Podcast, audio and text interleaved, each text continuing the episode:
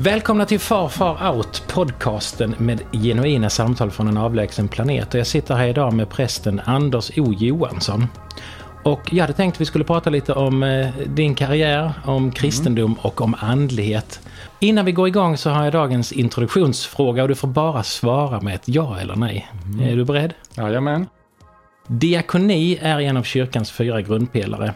Det definieras som uppdraget att genom delaktighet, respekt och ömsesidig solidaritet möta varandra i utsatta livssituationer. Ja, Att du är här idag, Anders, är det en del av detta uppdrag? absolut. Ja.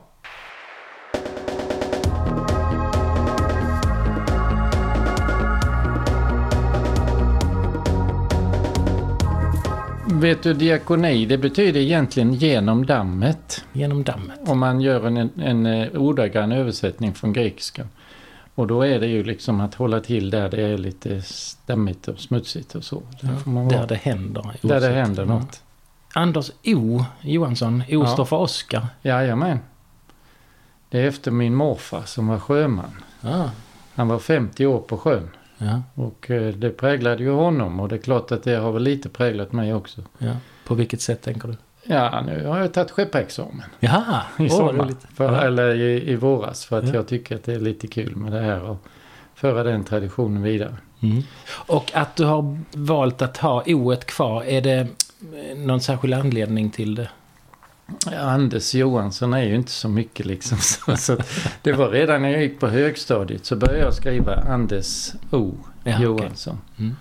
Och sen kallas jag ju för, av vissa Anders O och till och med Anders Oj då. Oj. Ja, Mm. Vad, har du varit med i podcast innan? inte i podcast, det tror jag inte som detta, men jag har ju varit med i, eh, i radion en del så. Ja. Mm.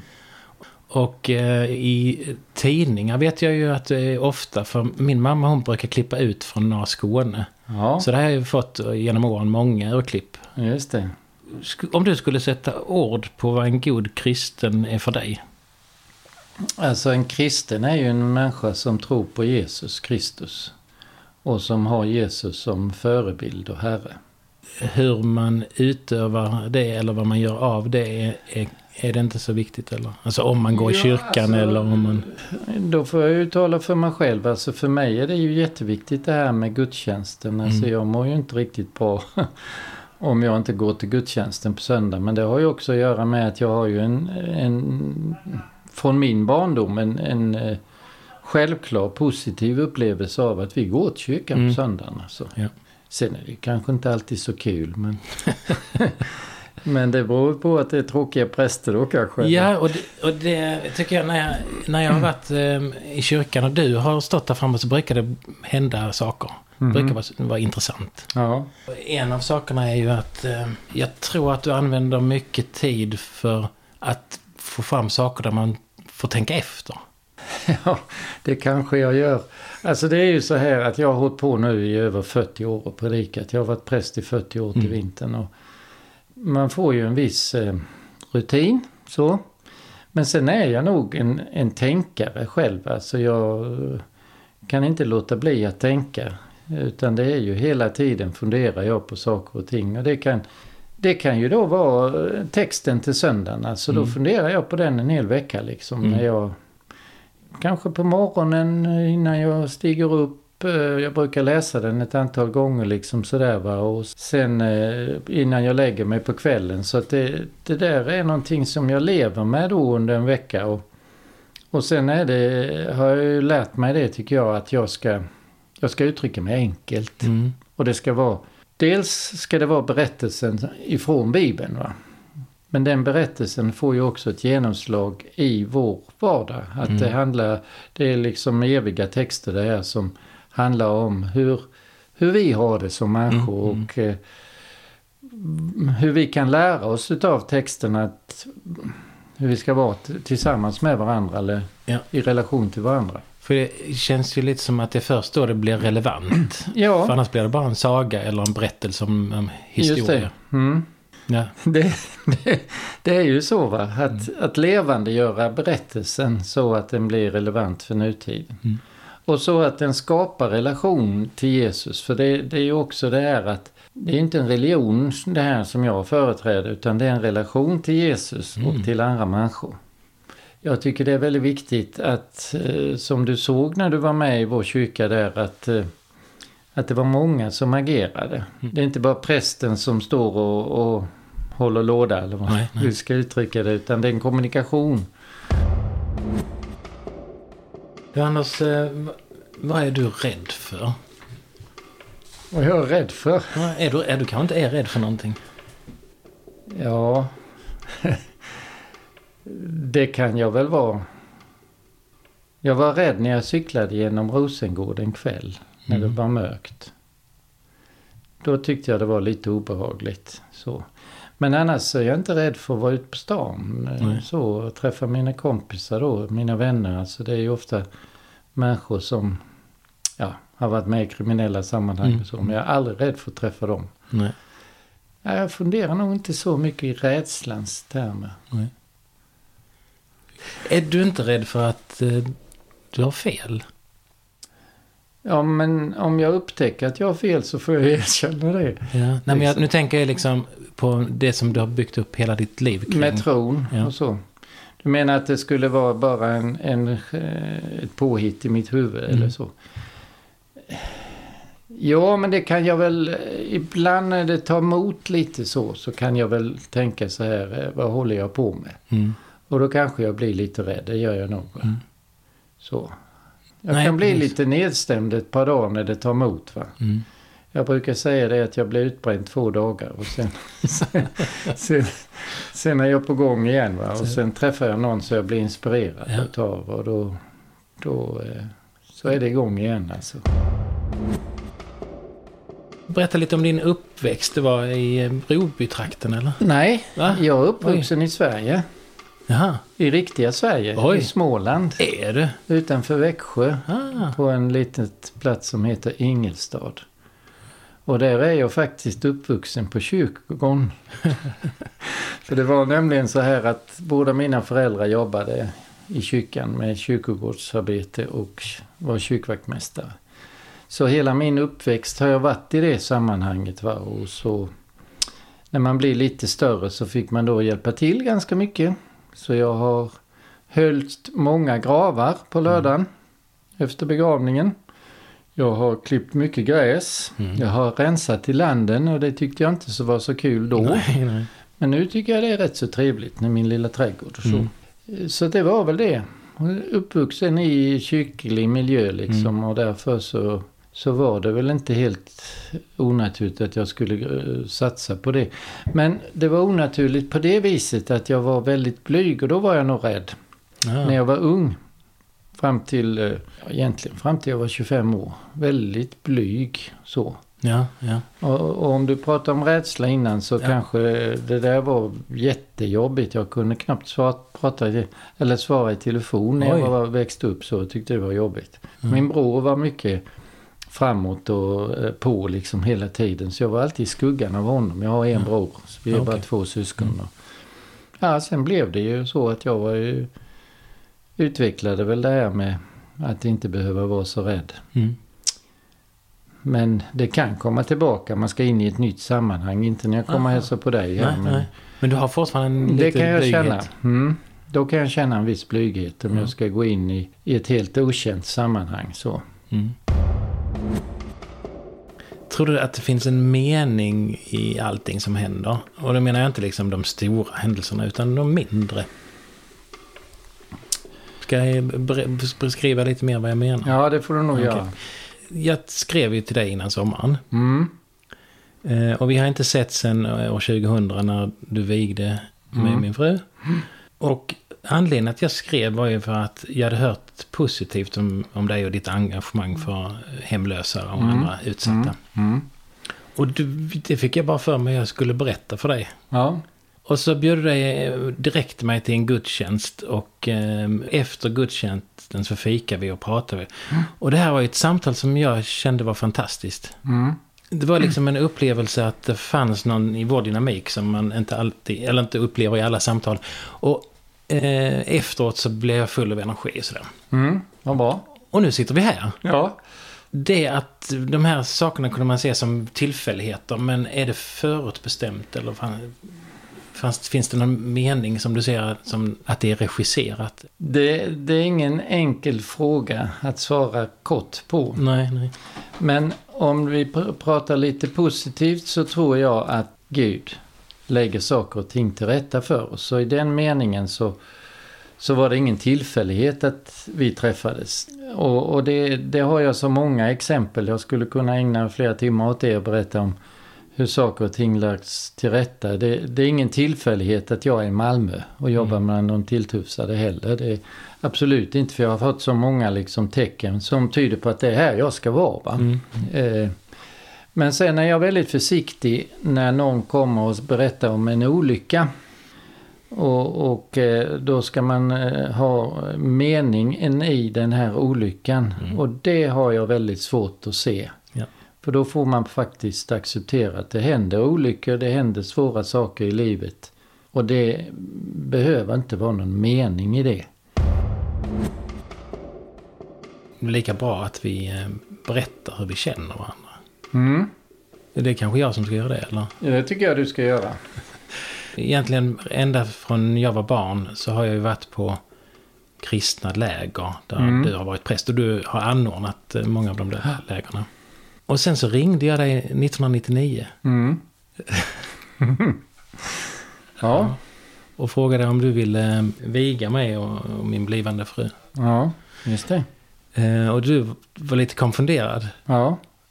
och vi kom ju på efteråt att jag hade råkat ringa till fel eh, Johansson. Fel präst, ja. Mm. ja. Och din svåger, ja. Stefan Johansson. Ja. Han eh, var ju min konfirmationspräst. Just det.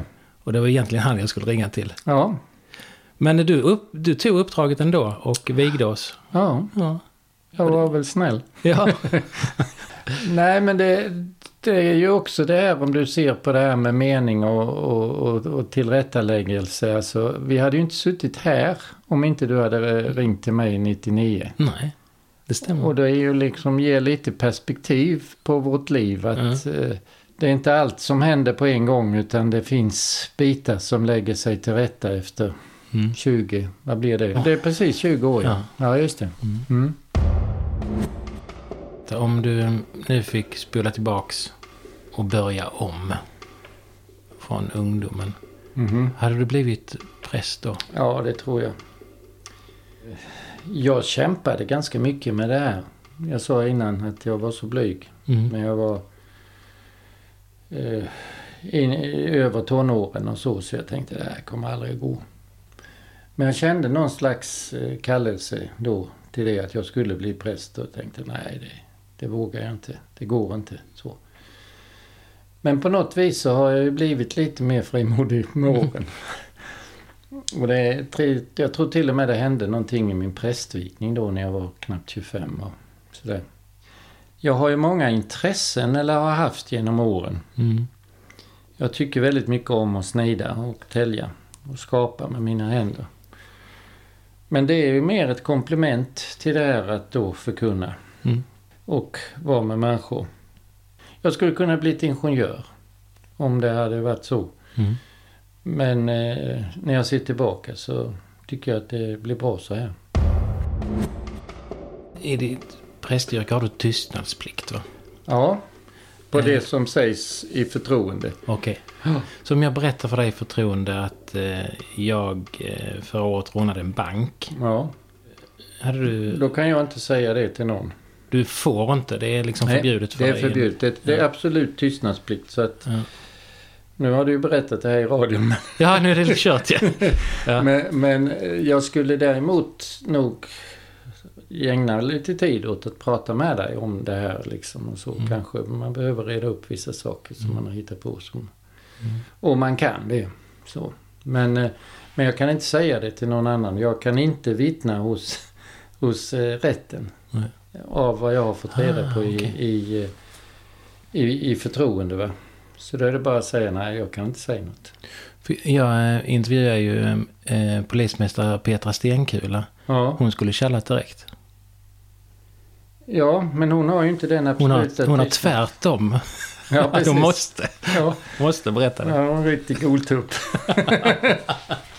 Och det kan vara rätt så skönt. Jag tror att det är viktigt det här att det ska finnas någonstans där man kan få prata utan Mm. att, att det sprids. Man kan ju eh, utveckla det där lite att en del undrar ju hur man orkar att ta Mm. Men det är som, det var en, en norsk präst som sa en gång att eh, man är som en container med hål i bön. Alltså att det rinner ut. Så det mesta Ah. som jag hör liksom av Ja. sådana här saker det, det glömmer jag ju ganska Ja. snart. Ja. Och det är rätt skönt. För annars skulle du kanske samlat det på dig och mått Ja. dåligt av det. Det finns ju en risk men det är bra att vara en container som det är hål i bön. När du eh, träffar en människa som mig, Mm. och med en människa som mig i det här fallet så... Det kanske inte vi har pratat alls om, men jag, jag tror ju inte på Gud. Nej, inte än i alla fall. Ja, just det. Nej, för det, frågan är då, får du då en stark önskan att hjälpa mig på den rätta vägen? Ja, det borde jag ju svara ja på. ja, tack. Nej men eh, alltså jag, jag kan ju inte övertyga dig om att du ska tro på Gud om du inte nu gör det. Och det är ju så att säga ditt problem. Mm.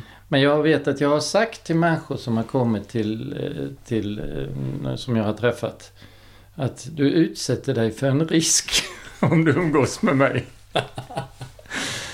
för, för på något sätt så är ju det här väldigt viktigt som jag sa innan att jag har en relation till Jesus och eh, jag vill ha en relation till dig. Mhm. Och jag har all respekt för dig att du har kommit fram till en annan, en annan slutsats än vad jag har gjort. Men det hindrar ju inte att vi kan föra ett väldigt vettigt samtal. För jag kan ju fråga dig, vad är det du inte tror på? Ja. Och det behöver du inte svara på just nu, men, Nej. men det kan du ju reflektera Ja, ja, ja. över. Vad är det för Gud som du inte tror på? Mm. Då kanske vi är helt överens. Ja. Med den, eh, så att säga, bilden av Gud som du Mm. har målat upp inför dig som du Mm. absolut inte kan Som är just den bilden som jag inte tror på då. Nej. precis. Mm. det kanske jag eh, helt delar med dig. Ja. Har du någon fritid eller är du alltid präst? Jag är alltid präst. Mm. Och jag försöker eh, då vara det. eh, Nu är det inget, oftast inget problem sådär va, för att jag har eh, i princip alltid telefonen på. Arbetstid är inte för mig så jätteviktigt. Nej. Sen har jag mycket fritid ändå. Ja, ja, ja. Men är det någon människa som behöver så brukar jag oftast Mm. försöka svara och lyssna. För det är det det handlar om väldigt mycket också i det här sammanhanget. Nu pratar jag mycket här men Mm, det är ju ja. därför att du ställer frågor. Ja, ja, Men annars, mitt, min uppgift, jag har ju betalt för att lyssna på människor. Att, eh, så jag kan ju sitta en halvtimme när, när någon människa berättar. Och så lyssnar jag, sen kanske jag hummar lite för att de ska förstå att jag är med. Ehm, om du blundar Ja, och så funderar du på att du får alla resurser, alla mandat för att uppfylla din dröm. Kan du berätta om den drömmen? alltså jag har ju en dröm nu för Malmö. Och det är ju att fler och fler människor ska få, få upptäcka vem Jesus är. För jag tror att i den här upptäckten så kan man bli av med sin skuld och skam, vilket ju många går runt med tunga bördor på. Och då, då är det ju så här att jag kan inte göra så mycket. Jag kan lyssna på några stycken. Men eh, min dröm är ju då att du och många andra ska vara med i det här att förändra Malmö. Tänk om, om vi kunde bli många som ville förändra Malmö och bry oss om de här människorna som då hittar på dumheter och skjuter på varandra och spränger och står i. Mm. För vi måste ju få slut på skjutandet Mm. i den här stan. Ja, verkligen. Och då behöver vi vara många Mm. som jobbar för det. Oavsett om man jobbar på försäkringsbolag eller man jobbar på som präst eller man är läkare eller man är Mm. polis eller vad man är någonting. Att det är en dröm jag har. Mm. Mm. Är drömmen att det händer någonting för Malmö eller att du ska få vara med. Jag vill gärna sitta med och titta på och se när det händer en massa saker. Ja. Och en väg i detta sammanhanget är ju då att, att jag känner min, min uppgift att vara bland människor som har kriminell bakgrund. Mm. Jag har tyvärr inte fått tag så mycket unga människor än. Nej. Men de som har hållit på ett tag, som är ganska inbitna, har jag ju rätt många kompisar som har hållit på med både det ena och det andra liksom. Mm. Och där, när de så att säga får en nystart i livet, då är de ju en jätteresurs. Ja. Det ser jag som en jätteresurs i Malmö. Människor som har varit med i det. Jag träffade en gubbe Eh, som är 70 år häromdagen. Och som berättade då att han hade, han hade varit i mycket elände. Men så för en 15 år sedan och sådär, så träffade han en människa som brydde sig om honom. Och efter det så har han slutat med allt vad knark heter, allt vad kriminalitet heter. Och istället så jobbar han då jättemycket för Amnesty. Mm. Och för flyktingarna som kom hit och så. Mm. Och då tänker jag att sådana människor behöver vi i Malmö.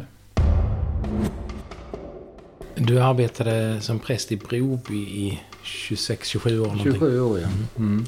Byggde upp en verksamhet eh, som engagerade de svaga i samhället. Arbetslösa invandrare och så vidare. Mm. Ehm, allt möjligt verkstaden heter Så heter det. Berätta lite om det. Ja, det var ju så att eh, vi såg ju där eh, 92 att lågkonjunkturen kom och många människor blev arbetslösa. Och då var det en kompis till mig som hade blivit arbetslös och som väldigt praktisk. Och vi eh, bestämde oss för att vi skulle testa om vi kunde göra en verkstad för människor som var utanför arbetslivet. Ja. Och eh, vi hade vår idé och så gick vi till kommunen och så sa vi detta att vi skulle gärna vilja göra en verkstad för de som är tillfälligt arbetslösa. En mycket bra idé, sa kommundirektören. Men det finns inga pengar. Och då startade vi utan pengar. Och det var väldigt spännande. Att liksom se om det gick att köra en sån här verksamhet utan budget, utan garantier. Men med duktiga människor då. Mm. Så vi fick ihop några stycken som drog åt samma håll och så jobbar vi. Och den lever ju fortfarande. Mm. Även om det nu, just nu, är ett eh, litet skifte här för att regeringen har ju lagt ner Arbetsförmedlingen som vi då har jobbat väldigt mycket ihop med. Och eh, kommunen, eh, de är ju oroliga för om de har några pengar och så. Mm. Så just nu så känns det lite darrigt men det har funkat i 27 år så varför skulle det inte vända igen? Hitta Precis. nya möjligheter. Mm. Det heter allt möjligt. För Gud är allting möjligt. Mm. Eh, Eftersom vi räknar med det. Ja, ja, ja. ja. Om du vill veta mer om, om vad vi gör där så är det ju praktiskt arbete i form av snickeri. Mm. Vi hade bilverkstaden där man fortfarande kunde reparera på bilar. Det går ju knappast nu. Nej, nej, precis. Cyklar har vi hållit på med mycket. Vi har hållit på med second hand. Ja. Och det är det som går bäst nu. Det är ju väldigt inne att handla på second hand. Mm. Så att mycket av verksamheten kretsar kring att ta tillvara grejer som är lite söndriga och laga dem och så sälja dem på second hand. Jag tänkte du skulle få berätta om motorcyklar. Motorcyklar. Ja, just det. Det har vi ju haft eh, mycket glädje av. När Petter var 18 så ville han ha en motorcykel. Och då eh, köpte vi en tillsammans och så lärde han sig att köra motorcykel och sen så ville han ju ha den. Så då fick jag köpa en till. Och sen har vi hållit på ända till, ja för något år sedan. Nu tycker inte min fru så mycket om att åka motorcykel längre. Men vi har ägnat väldigt många semestrar att åka i Europa på motorcykel. Mm. Alperna och nere på Balkan. Och Italien och Frankrike och, och så alla ställen med dessemellan. Inga olyckor på alla dessa år då? Jo då, Mm. det har jag har lagt motorcykeln ordentligt en gång och bröt nyckelbenet. Mm. Så. Men det är det allvarligaste jag har varit med om. Det är inte så, så farligt. Nej, det var ju lite ont ett par veckor där. Mm. Vad har du, eh, tänker du, kvar att åstadkomma sån, utifrån om du tittar på din karriär? Ja men det är ju det här att du och jag och några till ska ju förändra Just det. Malmö. Ja. Vi ska förändra Malmö. Ja. Mm. Ja, men det, är- det är fortfarande den, det är den där drömmen då ja. ja, det är den drömmen. ja, Men jag har ju ingen ambition att, eh, att ha något annat, eh, något annat jobb eller så. Eller bli Nej. chef eller biskop eller något sånt. Nej. nej. Jag har varit i inkompetenstaket. Mm. Vad det hette förr. Har du hört det? Nej. Inkompetenstaket. Att alla drivs till ett läge högre än vad man egentligen klarar av. Det pratar man mycket om på 80-talet. Ja, just det. Mm. Ja, jag tror också jag har varit där. Ja, Mm. just det. Men jag, jag, jag tror i och för sig inte att jag har varit på det sättet. Därför Nej. jag trivdes väldigt bra. Det gick bra både som kyrkoherde och som kontraktsprost. Så. Mm. Men det var ju ett eget val jag gjorde. Mm. Dels för att det skulle komma en yngre kyrkoherde till Broby när jag har Ah, varit där i okej. 27 år. Mm. Och sen eh, var det ju också det här att jag hemskt gärna ville jobba med dessa människor innan Mm. jag blir för gammal. Du sa det i tidningen nu att de flesta kyrkoherdar i Broby hade dött på sin post. Ja. Det vill inte du. Nej, precis. Nu har jag klarat mig i två år. Ja, perfekt. Min företrädare han klarade några månader, sen dog han. Oj. Mm. Det var en som flyttade på 1800-talet ifrån Mm. Broby. Jag tror han heter Angeldorf. Han flyttade därifrån men alla de andra har dött. Så det är livsfarligt för kyrkoherde på Broby. Tog nu tid för de flesta av dem ändå. jo då, de var ju där rätt länge. Vi pratade ju alldeles i början om huruvida det finns en mening med alla händelser. Om, Mm. om det är en slump att du och jag sitter här och det trodde du inte. Du trodde det Nej, jag fanns en tror att. Gud la det till rätta så att jag skulle komma ner idag. Ja. Och det jag tänker, vilket som eh, det hade varit fantastiskt om det är så att någon av dem som lyssnar på vårt snack Mm. blir nyfiken Mm. och hittar en väg. Det hade varit fantastiskt. Ja. Då hade det varit värt de här två timmarna. Absolut. Ja, men det är det ju värt ändå. bara Det är det för värt ändå. Ja. Och bara få snacka. Men Ehm, det, det finns en text, eh, känner du igen kvinnan vid Sykets brunn? mm, Hon eh, gick ju till brunnen för att hon hade haft så struligt med karar. Så gick hon ju inte dit när de andra snackade skit om henne utan hon gick ju dit mitt på dagen och då råkade hon ju träffa Jesus där. ja. Och Jesus ställde ett par frågor och så var det ett samtal. Och det här samtalet slutade med att hon kom till tro på Jesus som Mm. Messias då, för det var ju en förväntan på Messias. Och hon som då hade varit en väldigt blyg och försagd och förtryckt och förnedrad kvinna, hon springer in till stan och berättar, jag har träffat en man. Och då skrattar de åt henne, en till. Nej, nej, nej, nej, inte en till, utan det är en som har sagt mig allt om mitt liv. Kanske han är Messias. Och så får hon med sig hela stan ut för att lyssna på Jesus. Och så är han där i två dagar och berättar för dem. Och sen så säger de då när, när Jesus ska gå att nu tror vi. För att vi har själva mött honom. Mm. Innan trodde de ju då lite, det var intressant. För att kvinnan berättade om sitt möte. Mm. Men varje människa måste ha ett personligt möte om det ska liksom bära, tror Mm. jag. Kan inte ärva det utav Hasse Lykander eller någon annan. Nej, nej, precis. Och, och du har mött Jesus. Ja, han har gjort så mycket i mitt liv Mm. så jag, jag skulle ju bli en lögnare om jag förnekade Jesus nu.